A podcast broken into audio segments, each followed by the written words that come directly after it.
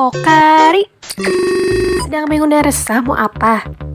Yuk kita dengerin Pokari Pokari Ya podcast keluarga psikologi dong Halo teman-teman, kembali lagi di Pokari episode kelima. Sekarang aku nggak sendirian karena aku ditemani sama Teh Shiva dari Departemen Kerohanian. Assalamualaikum semuanya. Waalaikumsalam. Nah, hari ini spesial banget ya karena Pokari kedatangan bintang tamu yaitu ada pemateri kita Teh Revia Eka Putri yang akan sharing ilmunya di sini. Nah, tema podcast kali ini yaitu berdamai dengan insecurity. Nah, Shiva, kalau boleh tahu kenapa sih hari ini kita mengangkat tema ini? Oh, kenapa kita harus uh, kenapa ya kita harus mengetahui insecurity? Soalnya kan uh, aku pikir banyak gitu remaja-remaja ataupun mahasiswa-mahasiswa juga masih merasa insecure pada dirinya gitu. Kok gitu sih kalau menurut aku teh. Hmm.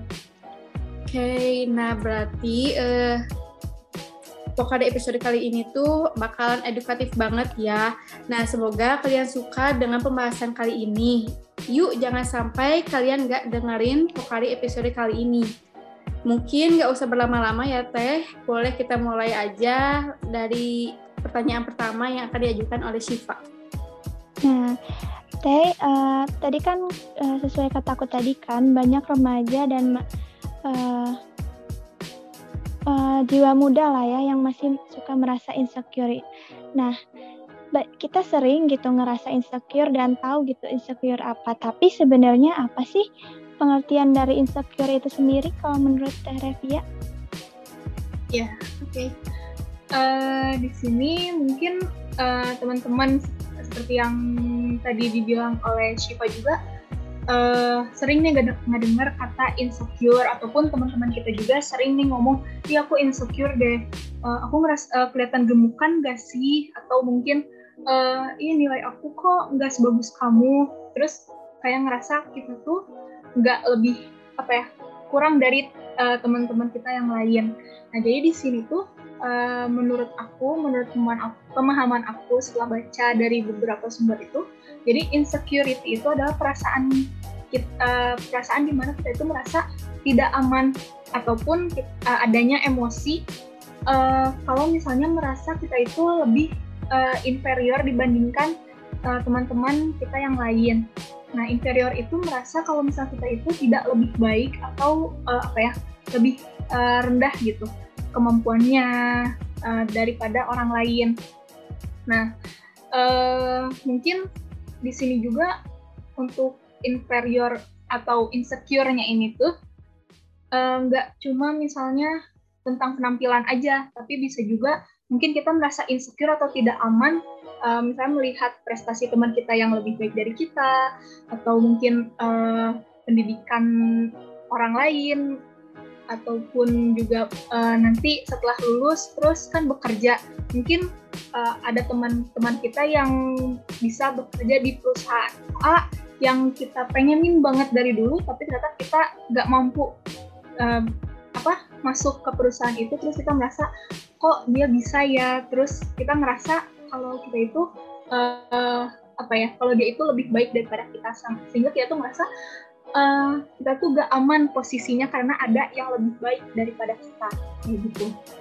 Dan mungkin uh, terkesannya kalau misalnya insecurity ini tuh uh, konotasinya negatif gitu kan ya karena ada kata-kata tidak aman di mana kata tidak itu kan konotasinya negatif ya tapi sebenarnya insecurity itu perlu atau enggak sih nah insecurity itu uh, ternyata diperlukan dalam beberapa hal uh, seperti yang kita tahu ada kan yang disebut dengan eustress dan juga distress ya.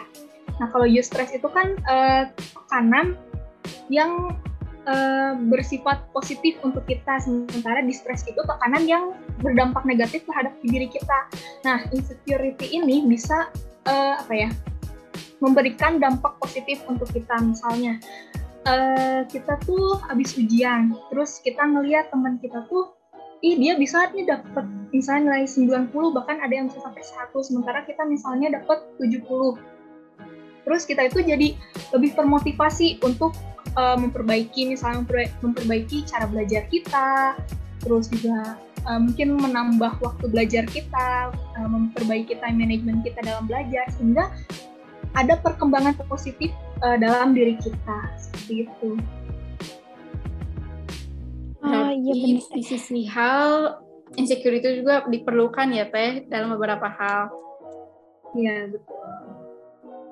Tapi kalau misalnya udah mengganggu apa ya kegiatan kita sehari-hari, malah jadi misal kita itu nggak termotivasi atau merasa apa ya merasa kita jadi nggak produktif dengan adanya apa ya rasa insecure ini itu baru uh, jadi dampak negatif dari insecurity itu sendiri. Hmm, ya. Berarti insecurity dibutuhkan untuk memotivasi asal tidak berlebihan ya, Teh? Ya, betul. Oke, Teh. Nah, kalau dilihat-lihat ya yang banyak mengalami insecurity itu kan perempuan. Nah, jadi apakah sama banyaknya yang mengalami insecurity itu antara laki-laki dan perempuan, Teh? Atau perempuan tuh biasanya lebih dominan atau bagaimana, Teh? Ya, kalau misalnya dari yang beberapa aku baca itu emang lebih condong lebih banyak itu uh, pada wanita karena yaitu misalnya yang lebih sering di apa ya di highlight itu perempuan itu kan karena memperhatikan penampilan sehingga mereka itu insecure dengan penampilan mereka. Dengan adanya apa ya exposure atau paparan dari lingkungan itu kalau misalnya yang disebut cantik itu yang langsing kulitnya putih tinggi seperti itu. Terus uh, ada uh, perempuan misalnya merasa kalau misalnya diri dia itu masih kurang untuk mencapai standar cantiknya itu sehingga dia itu uh, membanding-bandingkan dirinya terus juga uh, apa ya merasa jadi nggak percaya diri dengan dirinya sendiri. Jadi dia itu merasa uh, apa ya insecure itu dengan penampilannya dia uh, penampilan dia itu.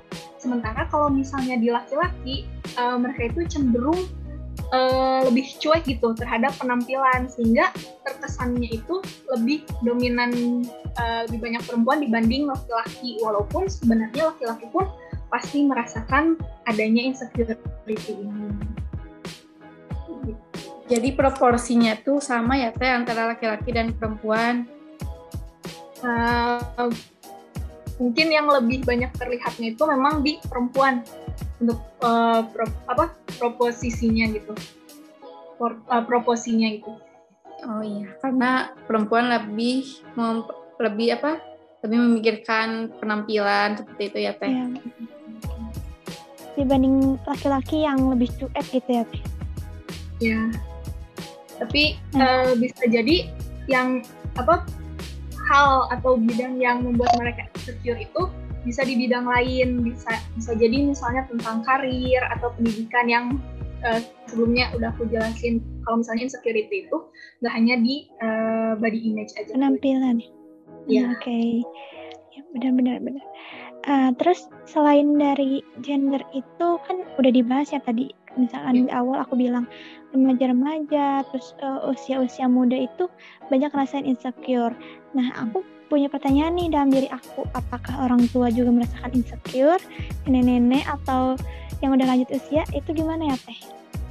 Ya, uh, karena emang uh, usia yang rentan mengalami insecure itu kan emang di remaja hingga usia 20-an. Kenapa lebih rentannya di usia itu? Karena kan kalau misalnya remaja itu memang waktunya mereka untuk mencari jati dirinya mereka, sehingga mereka itu melihat ke role model yang ada di lingkungannya. Itu seperti apa? Dan juga dari uh, kalau misalnya sekarang itu di lingkungan kita mungkin uh, yang tadi kalau misalnya untuk penampilan yang kulitnya putih tinggi langsing sehingga mereka itu uh, ingin mereka di apa ya dilihat sebagai misalnya perempuan yang cantik atau misalnya untuk laki-laki itu dia keren uh, sehingga mereka itu akan membandingkan dengan role model yang ada sehingga uh, kenapa rentan di usia remaja sampai 20-an. Tapi kalau misalnya di 20-an itu ada yang namanya quarter life crisis. Di mana itu tuh waktu waktu-waktu krisis masa peralih, peralihan dari remaja menuju uh, usia dewasa. Kayak misalnya selesai uh, kuliah, lulus kuliah, terus kan kita mau menentukan nih uh, ke depannya kita tuh mau apa, apakah mau lanjut lagi S2 ataupun mau bekerja. Jadi kita itu akan merasa uh, apa ya pandangan kita mengenai uh, uh, masa depan kita itu belum jelas kan jadi kita tuh merasa tidak aman mengenai uh, bayangan masa depan kita itu nantinya akan seperti apa. Apakah setelah lulus, kalau misalnya untuk yang mau bekerja, apakah nanti setelah lulus uh, aku bakal cepat dapat kerja atau enggak ya? Atau enggak setelah lulus kita melihat teman kita kok dia udah dapat lagi pekerjaan, udah kerja lagi. Sementara kok aku di sini belum keterima-keterima juga kayak gitu. Dan juga kalau misalnya yang lanjutin S2, dia itu akan merasa uh, apakah nanti aku bisa masuk ke universitas yang aku pengen atau enggak ya buat S2-nya kayak gitu. Kalau misalnya di usia 20-an itu ada yang namanya quarter life crisis. Tapi uh, setelah menginjak 30 ke atas itu pasti ada yang namanya insecurity, tapi uh, mereka itu lebih bisa untuk memanage rasa insecure-nya itu sendiri. Kenapa? Karena dari pengalaman sebelumnya, apalagi mereka kan juga pasti melewati quarter life crisis itu kan quarter life crisis itu. Dan mereka itu belajar banyak pengalaman dari situ. Mereka mempelajari bagaimana sih kalau misalnya rasa insecure itu muncul sehingga mereka udah terbiasa dan tahu cara mengatasinya seperti apa. Oh iya ternyata insecure itu cuma di umur 20 tahunan ya teh. Ke sananya lagi ada lagi bedanya lagi. Baru tahu Ya jadi uh, insecure itu ternyata ada di semua kalangan ya teh di, semua tahapan usia cuman cara memanage rasa insecurity-nya itu berbeda-beda di setiap usia. Nah, mungkin nggak sedikit orang yang meremehkan dampak atau bahaya dari insecurity dan juga masih ada juga yang belum tahu nih tentang bahaya dari insecurity. Mungkin bisa dijelaskan oleh Terevia apa sih bahaya insecurity bagi diri sendiri?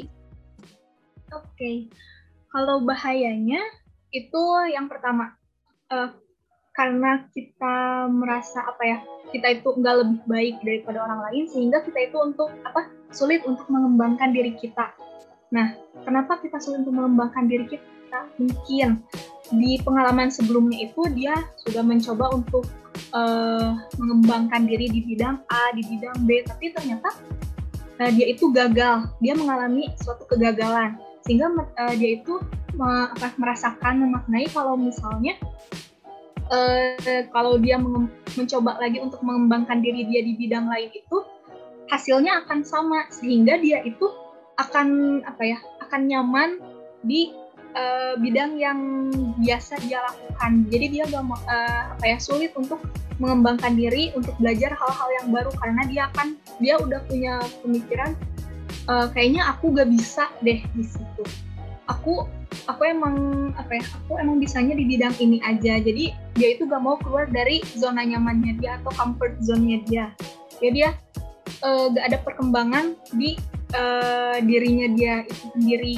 Dan juga selanjutnya dia itu akan uh, sulit untuk menjalin relasi yang lebih luas. Kenapa? Karena uh, di sini kan berarti dia merasa uh, inferior, lebih inferior dibanding uh, teman-temannya atau orang-orang yang ada di sekitarnya. Uh, misalnya, uh, oh ya, dengan apa ya, dengan adanya inferioritas itu sendiri, dia itu jadi uh, mencoba untuk menghilangkan rasa inferiornya dengan berteman uh, dengan yang sam, menurut dia sama dengan dirinya ataupun yang memiliki power lebih rendah dari dia. Nah, hal itu tuh untuk menutupi rasa inferiornya sehingga dia tuh uh, memiliki power untuk uh, mengatur teman-temannya yang lain yang powernya itu lebih rendah daripada kita. Nah, padahal mungkin kalau misalnya dia uh, apa ya memiliki relasi dengan seseorang yang powernya lebih tinggi, mungkin dia uh, mungkin bisa menjadi suatu bantuan juga untuk dia berkembang untuk mengembangkan dirinya karena kan uh, seseorang yang memiliki power lebih lebih besar dari dia mungkin bisa um, apa ya mengajari dia suatu hal yang lebih baik. Tapi dengan adanya rasa insecure itu dia merasa kalau misalnya dia berteman dengan uh, orang yang menurut dia itu lebih dari dia dia itu tidak bisa mengimbangi. Makanya dia itu akan uh, berteman dengan yang menurut dia ya se apa setara dengan dia ataupun yang uh, powernya lebih lemah daripada dia dan juga uh, dari insecurity ini sendiri bisa uh, menghasilkan adanya gangguan kesehatan mental seperti kecemat, uh, kecemasan atau anxiety. Uh, karena kita terus-terusan merasa kalau diri kita ini tidak aman, sehingga kita tuh merasa cemas. Uh, kira-kira uh, masa depan aku kayak gimana ya? Masa depan aku sesuai aku pengenin atau enggak? Ataupun uh, aku bisa nggak ya kayak dia? Jadi semuanya itu dia merasa cemas, memikirkan kalau misalnya dia itu gak bisa, gak bisa, gak bisa, karena dia itu merasa uh, insecure itu dan juga lama-lama mungkin bisa menimbulkan depresi dan juga bisa menimbulkan ada adanya masalah body image seperti yang tadi yang udah dijelasin juga kan ya dan juga dari masalah body image ini sendiri tuh bisa uh, menghasilkan adanya gangguan makan. Misalnya anoreksia ataupun bulimia. Karena kan misalnya karena body image-nya itu yang dia dapatkan dari lingkungan harus langsing sehingga yang awalnya mungkin dia agak berisi uh, dia tuh pengen jadi kurus sehingga dia makannya jadi sedikit ataupun uh, jadi makan apa gak makan sama sekali atau uh, apa ya makannya itu setelah dia makan terus ngerasa dia itu aduh seharusnya kan aku gak boleh makan ini sehingga dia muntahin lagi makanannya kayak gitu. Sehingga lama kelamaan bisa muncul adanya gangguan makan itu. Dan juga bahaya yang lainnya itu dia bisa memandang diri dia sendiri itu eh, rendah lebih rendah daripada orang lain. Jadi dia itu akan merasa kalau misalnya dia itu nggak percaya diri karena adanya uh, rasa inferiority itu rasa dia itu lebih uh, rendah lebih tidak berdaya daripada orang lain. Dia merasa kalau misalnya orang lain itu lebih baik daripada diri dia sendiri. Gitu. Berarti dampak dari insecurity juga lumayan serem ya Teh karena dapat menyebabkan permasalahan dalam kesehatan mental. Hmm, betul. Ya serem-serem banget ya sampai ada gangguan makan dan merasa rendah daripada orang lain. Nah, selain bicara bahaya dampak-dampak dan bahaya-bahaya dari insecure, boleh nggak aku nanya tentang faktor-faktor dari insecure itu teh? ya. faktor-faktor yang menyebabkan insecure. Faktor-faktor penyebab insecurity itu ada macam-macam ya. Yang pertama itu karena adanya kegagalan atau penolakan uh, dari pengalaman sebelumnya atau yang baru-baru aja terjadi pada diri dia sehingga dia itu uh, merasakan kalau misalnya dia itu tidak memiliki value apa tidak memiliki kemampuan atau value yang uh, diharapkan oleh uh, apa ya misalnya oleh orang lain ataupun oleh suatu organisasi. Jadi dia tuh merasa kalau misalnya dia ditolak karena dia itu tidak mampu. Sehingga dia tuh merasa uh, apa ya merasa tidak aman merasa dia tuh berpikir uh, apakah aku emang tidak sekompeten itu? Atau apa sih kurangnya aku? Apakah aku emang sekur, uh, apa ya memiliki kekurangan yang fatal sehingga aku gagal gitu di uh, satu apa ya satu pengalaman itu. Dan juga uh, apa ya faktor yang lainnya itu mengal mengalami adanya kecemasan sosial. Mungkin kecemasan sosial ini uh, yang akhirnya uh, apa ya menurunkan rasa percaya diri kita, menimbulkan insecurity. Seperti uh, yang tadi uh, body image itu sendiri. Karena kan itu dari tekanan sosial kita kan. Dari tekanan sosial kita uh, mengatakan kalau misalnya cantik itu ABCDE laki-laki uh, itu harus ABCDE sehingga kita itu mencoba untuk uh, apa ya mengikuti standar yang sudah uh, lingkungan sosial berikan. Tapi kalau misalnya ternyata nggak sesuai dengan apa yang standar sosial kita berikan kita itu jadi merasa kalau kita itu uh, tidak lebih baik daripada uh, orang yang memiliki atau yang sesuai dengan standar yang diberikan oleh uh, lingkungan sosial kita. Dan juga ada uh, penyebab dari insecurity itu adanya uh, rasa perfeksionisme dari diri kita. Sehingga kalau misalnya kita melakukan uh, suatu hal tapi tidak mencapai standar yang sudah kita tetapkan. Misalnya kalau misalnya mengerjakan pekerjaan A itu harus sampai skala 90, tapi ternyata kita hanya bisa mencapai ke skala 80 terus kita merasa kecewa terus kita merasa uh, menyalahkan diri sendiri. Kok kenapa sih aku tuh gak bisa untuk um, mencapai standar yang udah aku tetapkan gitu? Nah jadi di situ juga dia akan merasa insecure dengan kemampuan yang dia miliki itu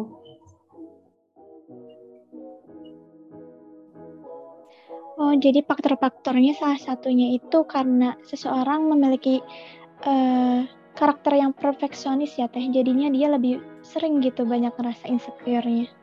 Iya.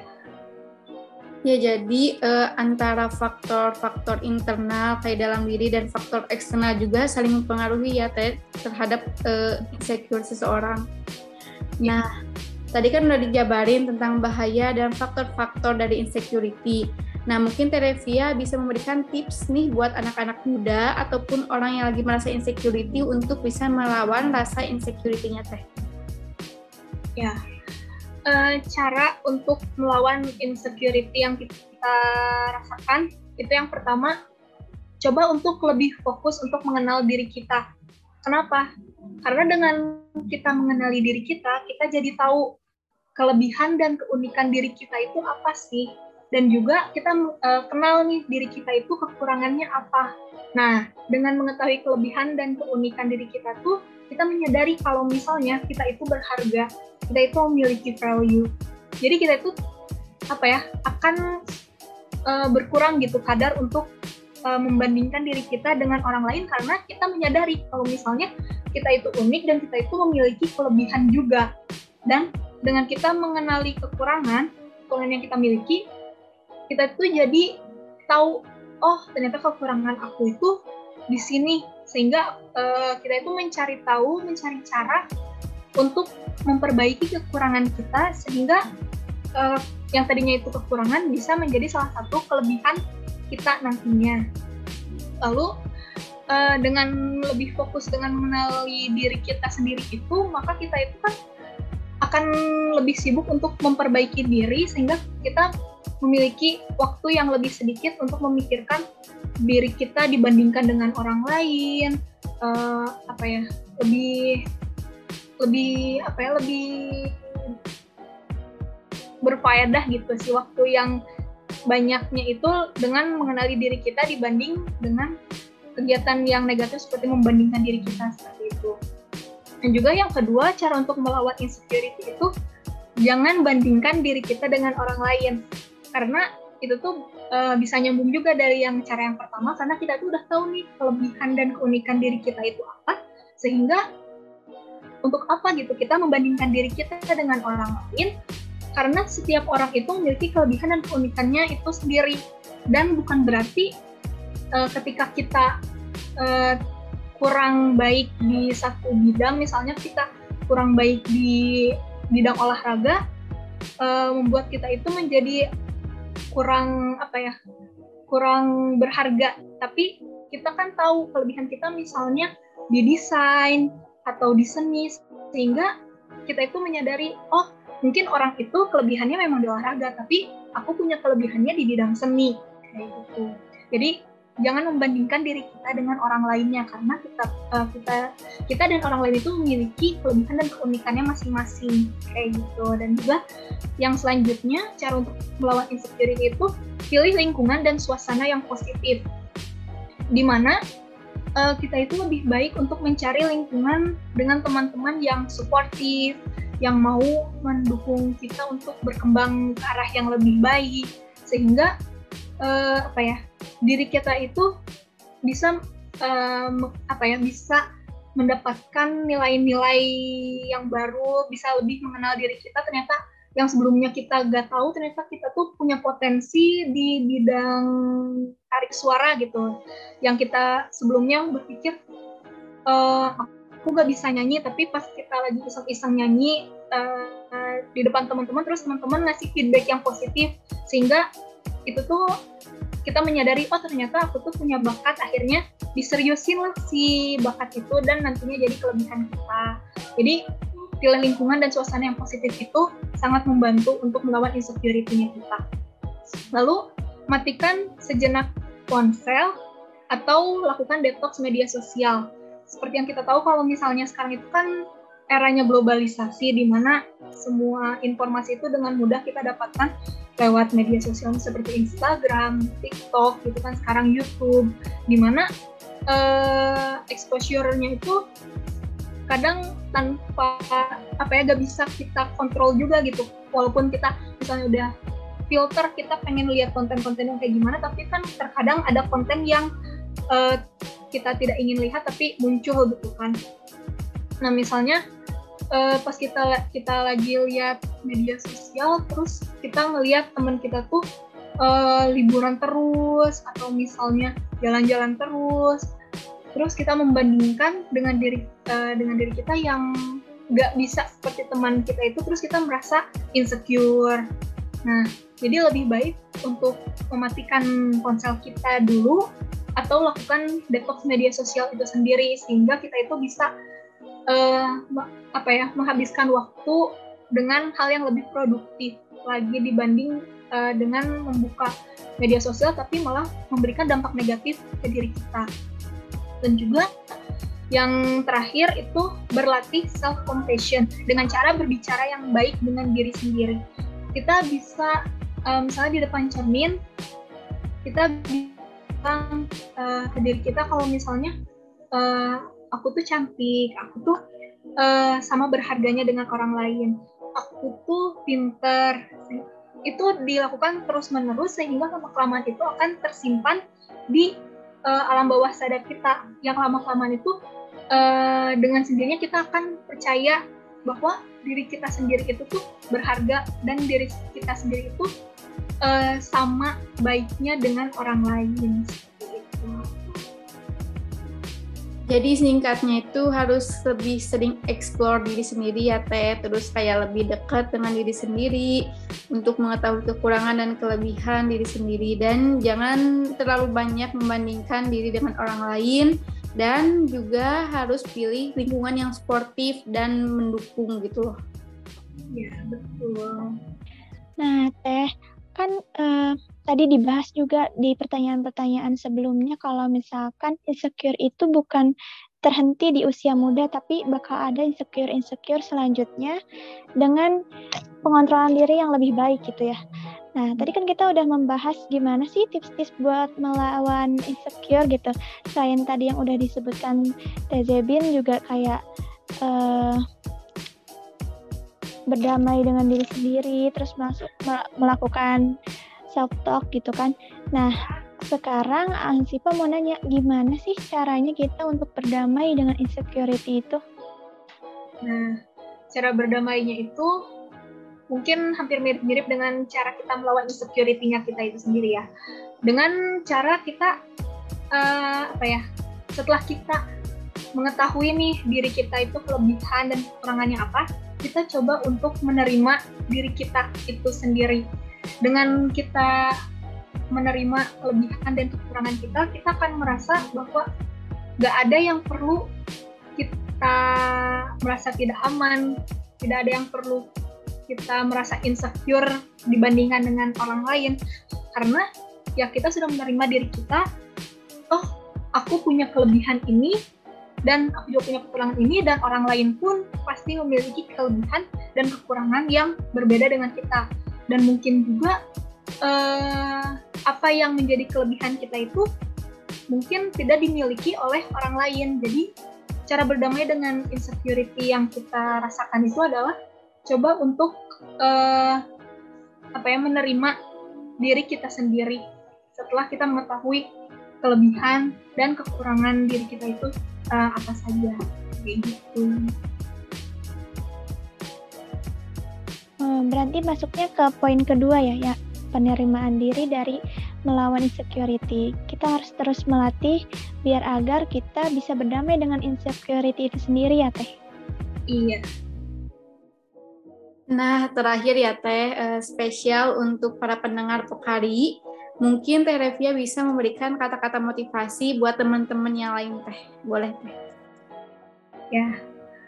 Uh, merasa insecure ataupun tidak aman itu pasti setiap waktu itu uh, apa ya terkadang kita pasti akan merasakan adanya fase-fase di mana kita merasa tidak aman, kita uh, merasa insecure, tapi jangan sampai rasa insecure itu yang uh, menguasai diri kita, tetapi kita yang harus menguasai rasa insecure itu. Kita harus tahu li sampai limit mana sih uh, rasa insecure itu uh, mengganggu uh, apa yang mengganggu kita sampai limit mana kita, uh, rasa insecure itu sampai ke tahap mengganggu dan uh, batasan mana yang rasa insecure itu justru kita butuhkan. Jadi kita harus tahu limitnya dan kita harus tahu juga apakah rasa insecure itu uh, rasa insecure yang positif atau negatif untuk diri kita.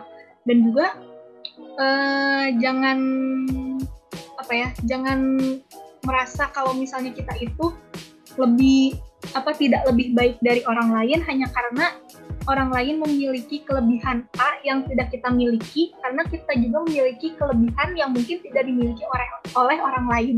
Dan juga jangan merasa kekurangan yang kita miliki itu sesuatu yang membuat kita uh, merasa insecure tetapi jadikan kekurangan kita itu menjadi suatu bahan evaluasi untuk diri kita dan uh, coba untuk mencari cara untuk uh, mengembangkan atau memperbaiki kekurangan itu yang pada akhirnya bisa menjadi suatu kelebihan di masa depan seperti itu.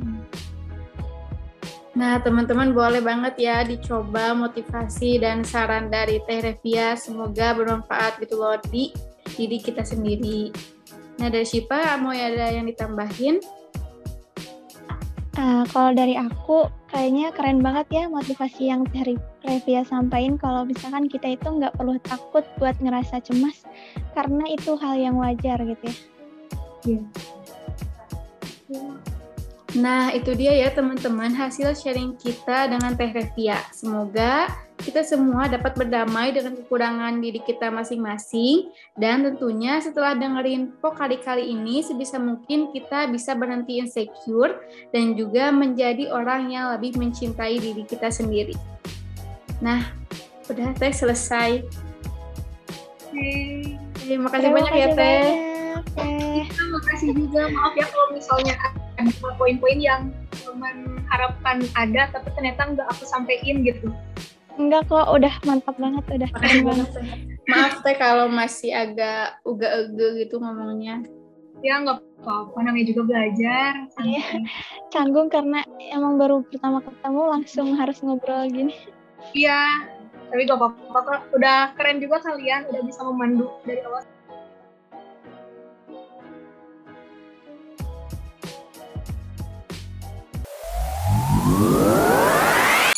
Terima kasih kepada teman-teman yang udah nyempetin waktunya untuk ngedengerin podcast psikologi Unisba ini. Jangan lupa di-share ke teman-teman yang lain dan jangan lupa juga terus pantengin Instagram BEM Psikologi Unisba untuk tahu episode-episode menarik selanjutnya. See you soon!